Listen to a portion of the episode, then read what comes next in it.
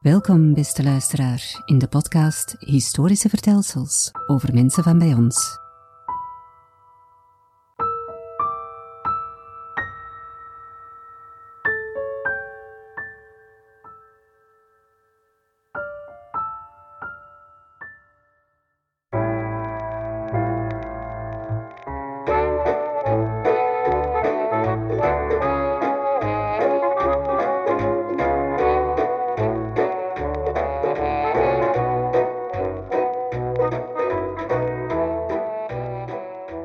Kerstbestand van 1914.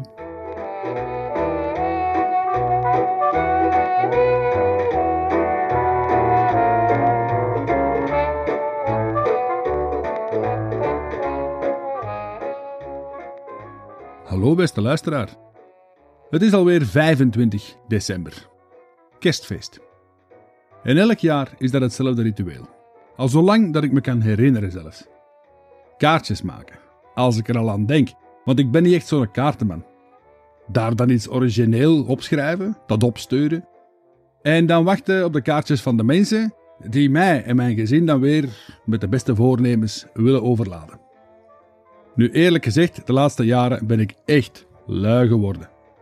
Meestal stuurde ik gewoon een leuke foto en als ik veel inspiratie had, dan fabriceerde ik een filmpje met vrouw Lief en de scène en deelde zo dan de beste wensen met iedereen die ze horen wilde. Alleen met dat virus de laatste tijd zijn de kersten, of ja, hoe zit dat eigenlijk, niet echt meer wat ze geweest zijn. Er zijn geen feesten, minder kaartjes en ik heb eigenlijk nog minder inspiratie dan vroeger. Tot ik me gisteren plots bedacht: waarom maak je eens geen kerstspecial van uw podcast? Een vertelsel, liefst een spannend natuurlijk, over een historische gebeurtenis of een figuur gelinkt aan kerstmis. En liefst dan ook nog aan ons landje. Niks al te lang, maar gewoon een goed kort verhaal. En een van de strafste, maar ook bekendste van die verhalen, na de geboorte van onze lieve Heer zelf natuurlijk, speelde zich af in de loopgraven in de Frans-Vlaamse grensstreek in 1914. Ik heb het hier natuurlijk over de wereldvermaarde Christmas Truce, die Weihnachtsfrieden of het kerstbestand tussen de strijdende Duitse en Britse soldaten aan het front. Er is al heel veel geschreven, verteld, verfilmd, gedicht en helaas ook veel gezeverd over deze toch wel bizarre gebeurtenis. En terecht, hè, want het was een moment van opperste menselijkheid, hoop en mededogen in een verschrikkelijke oorlog. En daarom wil ik juist dit vertelsel als eerste kerstspecial brengen. En dan kan het misschien volgend jaar een iets luchtiger verhaal zijn. Wie weet, we zien wel. Let's hope so. Op 4 augustus 1914, zoals u weet, valt Duitsland België binnen. In een poging om het Franse leger, dat gesteund werd door de Engelsen, in de tank te nemen en er een korte oorlog van te maken. Dit beruchte von Schlieffen-plan faalde echter en de oorlog kwam helemaal vast te zitten. Sindsdien bekampten beide partijen elkaar vanuit de loopgraven. Van aan de Belgische kust tot in de Alpen heeft men zich ingegraven en voor elke morzel grond doet men uitvallen, die dan weer worden gecounterd door tegenaanvallen. De frontlijn wordt kapot gebombardeerd bij elke aanval. Dood en verderf zijn het gevolg. Het wordt winter. De hoop die bijna iedereen had dat de oorlog met kerst 1914 gedaan zou zijn, is al lang vervlogen. We zijn in de Westhoek. Het landschap is desolaat, vol met kraters. Dorpen en steden zijn nog slechts kapotgeschoten schimmen van zichzelf. Het regent bijna dagelijks. Overal is er, is er modder, slijk en, en, en water, ook in de loopgraven. Duitsers en Britten liggen tegenover elkaar. Ze bespieden elkaar zo goed als permanent. Met de regelmaat van de klok vallen de granaten. Schuilen in de bunkers, in de onderkomens, als ratten in de val. Dan wordt het weer stil en even later, dat schrille geluid van, van het fluitje. De stormloop naar de overkant begint, naar de vijand. De machinegeweren beginnen te ratelen. De mortieren doen hun werk.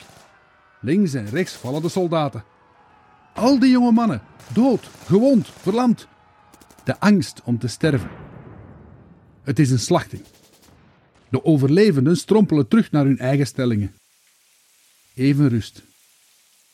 Een jonge soldaat zit in zijn smerig uniform, onder de modder, het gezicht vuil van het slijk, bebloed van een hoofdwonde. Hij staart bibberend voor zich uit. Anderen berusten. Eentje kotst zijn gal uit van de stress van de adrenaline. En dan begint de volgende beschieting. De tegenaanval is op til. Op komst. Weer dat fluitje. Maar, maar nu van aan de overkant. Het is geen fraai beeld om te schetsen in een kerstpodcast. Ik weet het, beste luisteraar. Maar ik kan ook niet mooier maken wat niet is. Of niet was in dit geval. Het is de hel op aarde, een inferno. En meer en meer wordt de waanzin van de oorlog duidelijk. Zeker voor de frontsoldaten. De laatste weken van het jaar is de strijd wel wat afgenomen. De weersomstandigheden zijn gewoon te slecht. Je kan er zelfs geen hond doorjagen, laat staan oorlog voeren. Aan beide kanten maken de soldaten er het beste van. Doorweekt, moe, vuil en vooral ver van huis in een, in een loopgraaf. Niet echt iets om vrolijk van te worden.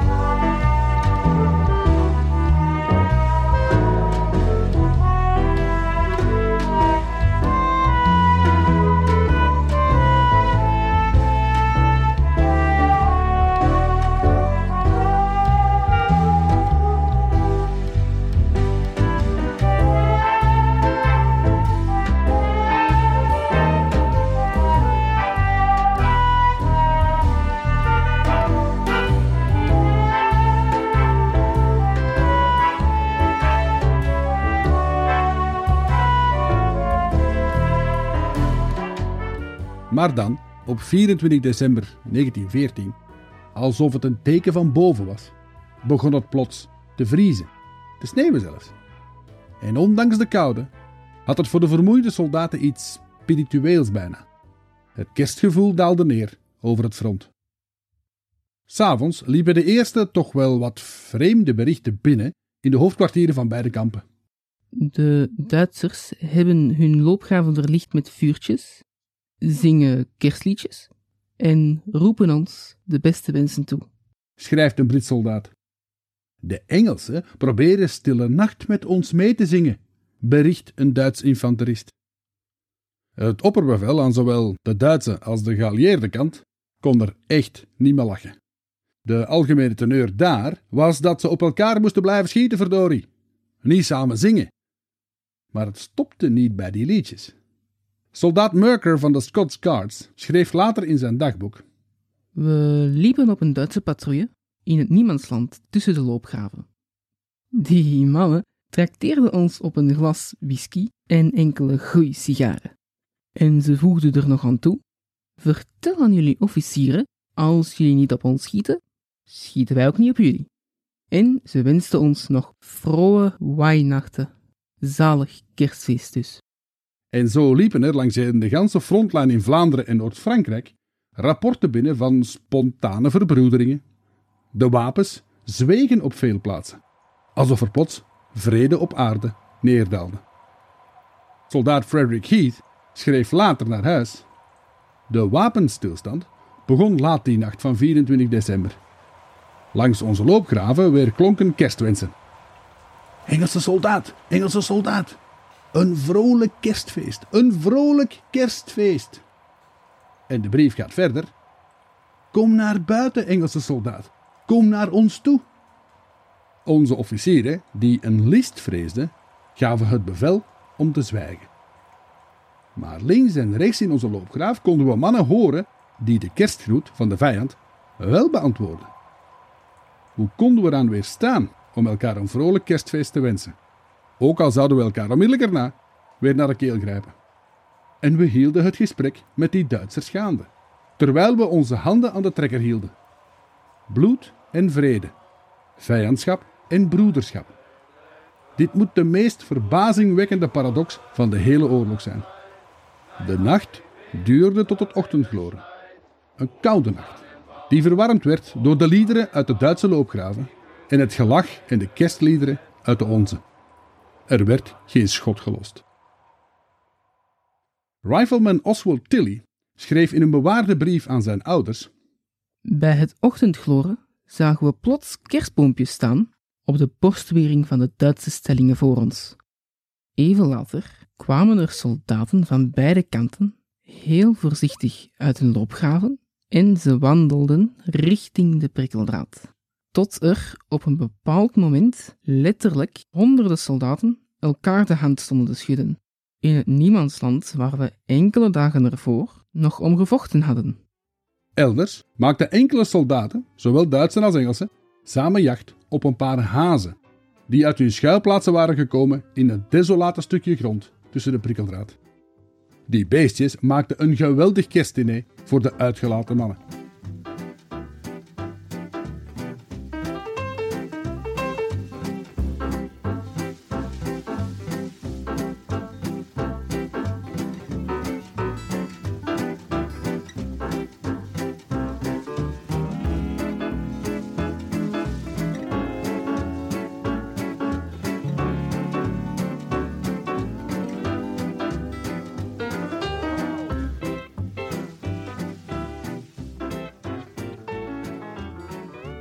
En dan is er nog het verhaal, of moet ik zeggen de legende, van de voetbalwedstrijd tussen Duitse en Britse soldaten op kerstdag 1914.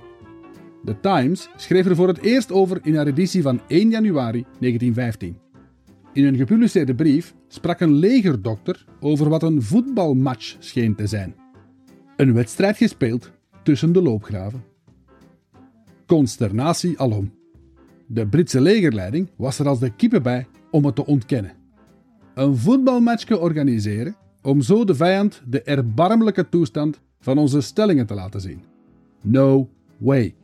Uitgesloten. Maar het kwaad was wel geschied. De mythe was geboren. Ja, mythe. Er zijn meerdere vermeldingen van zelfs meer dan één wedstrijd. En er is ook een brief van een Duitse soldaat van het 133ste Saksische regiment, een zekere luitenant Johannes Niemann. Hij beschreef het tafereel in geuren en kleuren, letterlijk zelfs. Luister maar even mee. De mist trok maar langzaam op en plotseling wierp mijn ordonnans zich in mijn schuilhol om te zeggen dat zowel de Duitse als de Schotse soldaten uit hun loopgraven waren gekomen en zich langs het front aan het verbroederen waren. Ik pakte mijn verrekijker en keek voorzichtig over de borstwering en zag het ongelooflijke schouwspel van onze soldaten die sigaretten, snaps en chocolade uitwisselden met de vijand. Wat later verscheen er een Schotse soldaat met een voetbal. Van waar dat die kwam, dat weet ik niet, maar enkele minuten later begon er een echte voetbalwedstrijd. De Schotten maakten hun doel met hun vreemde petten en wij deden hetzelfde met de onze. Het was niet makkelijk om op de bevroren grond te spelen, maar we gingen ervoor en hielden ons aan de regels. Ondanks het feit dat het maar een uurtje duurde en dat we geen scheidsrechter hadden. Veel schoten en passes gingen naast of liepen mis.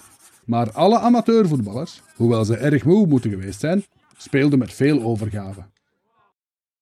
Voor niemand was de kennismaking met de in kielt geklede tegenstanders ook iets nieuws. Hij schreef verder wij Duitsers bulderden van het lachen toen een windvlaag verraadde dat de Schotten geen onderbroek onder hun keel droegen. En we floten elke keer als we weer eens een schaamteloze glimp konden opvangen van het achterwerk van een van de vijanden van gisteren. Maar na een uur spelen, toen onze bevelvoerende officier ervan hoorde, beval hij dat we moesten ophouden. Even later liepen we terug naar onze loopgraven en was de verbroedering voorbij. Nu, ondanks deze geweldige getuigenis, is er op de dag van vandaag discussie onder historici. Of deze en andere wedstrijden ooit echt hebben plaatsgevonden. Volgens sommigen zijn ze ontsproten aan de fantasie van de bekende Engelse dichter en veteraan van Wereldoorlog I, Robert Graves. Wie zal het zeggen? Als ik nu eens zou zeggen dat er misschien wel een paar zijn gespeeld. Dat is misschien een mooi compromis. Want hoe menselijk en teder zijn deze verhalen in een zo een afschuwelijke oorlogszetting. Van een van die matchen, die de geschiedenis is ingegaan als Frits versus Tommy, is de uitslag zelfs bekend. De Fritsen wonnen met 3-2. Echt of niet echt? Ik weet het niet. Maar in de voetbal winnen de Duitsers altijd op het einde. Hè? Misschien een cliché, maar toen blijkbaar al. Maar hoe wijd verspreid waren deze kerstbestanden, die truces, nu uiteindelijk? Er zijn verslagen dat er op kerstdag aan het Belgische front wel degelijk gevechten hebben plaatsgevonden en dat er sluipschutters actief waren. Historici schatten dat er ongeveer in twee derde van de Engelse sectoren in Vlaanderen verbroedering heeft plaatsgevonden en dat er spontane gevechtspauzes werden ingelast. En ik zeg met opzet Britse sectoren. Voor de Fransen, die hun land voor een stuk natuurlijk bezet was door Duitsland, lag het veel gevoeliger. In hun stellingen is er niet veel gevierd geweest met de Fritsen. En ook aan het oostfront verbroederden Duitsers en Russen niet. En kent u de reden? Nee? Ah wel, ik kende die dus ook niet. Maar nu wel. In het tsaristische Rusland van 1914 volgde men nog de oude Juliaanse kalender. En dus viel kerstmis op 7 januari 1915, veertien dagen na de Duitse waainachten. Die laatste die waren dus al lang uitgezongen tegen de tijd dat de Russen begonnen. En ook aan het westelijk front was het unieke kerstbestand op de meeste plaatsen voorbij, op tweede kerstdag 1914. Een Duitse artillerist had tegen zijn nieuwe Britse vriend gezegd toen ze elk teruggingen naar hun eigen stelling: Vandaag hebben we vrede. Morgen vecht jij voor jouw land, ik vecht voor het mijne. Veel geluk. De oorlog ging in alle hevigheid verder. En er zou geen echte wapenstilstand meer komen tot die van november 1918. Daar zouden de hoofdkwartieren van beide legers wel voor zorgen.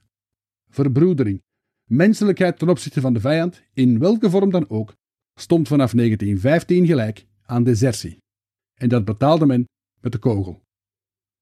Vanaf 1916 schoot men zelfs op de eigen soldaten, zonder vorm van proces. Vele, misschien wel de meeste, van de duizenden soldaten die samen die uitzonderlijke kerst van 1914 vierden, zouden de terugkeer van de vrede helaas nooit meer mogen meemaken.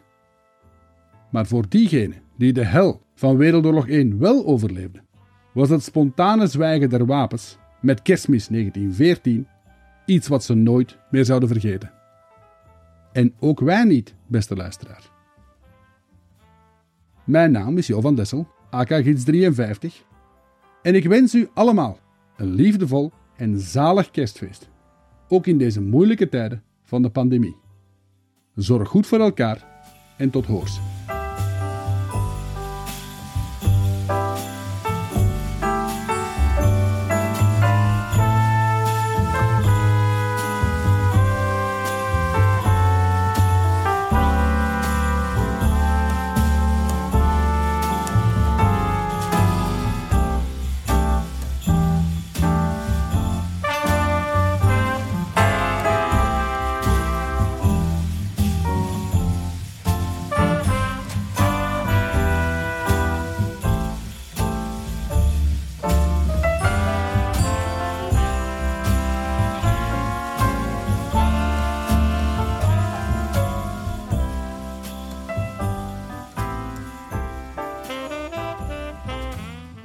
Moest u op Spotify luisteren? Vanaf nu kan u ook de podcast raten via je app. Je zou er mij, met wat eerlijke sterretjes, een schoon kerstcadeau mee doen. Alvast bedankt.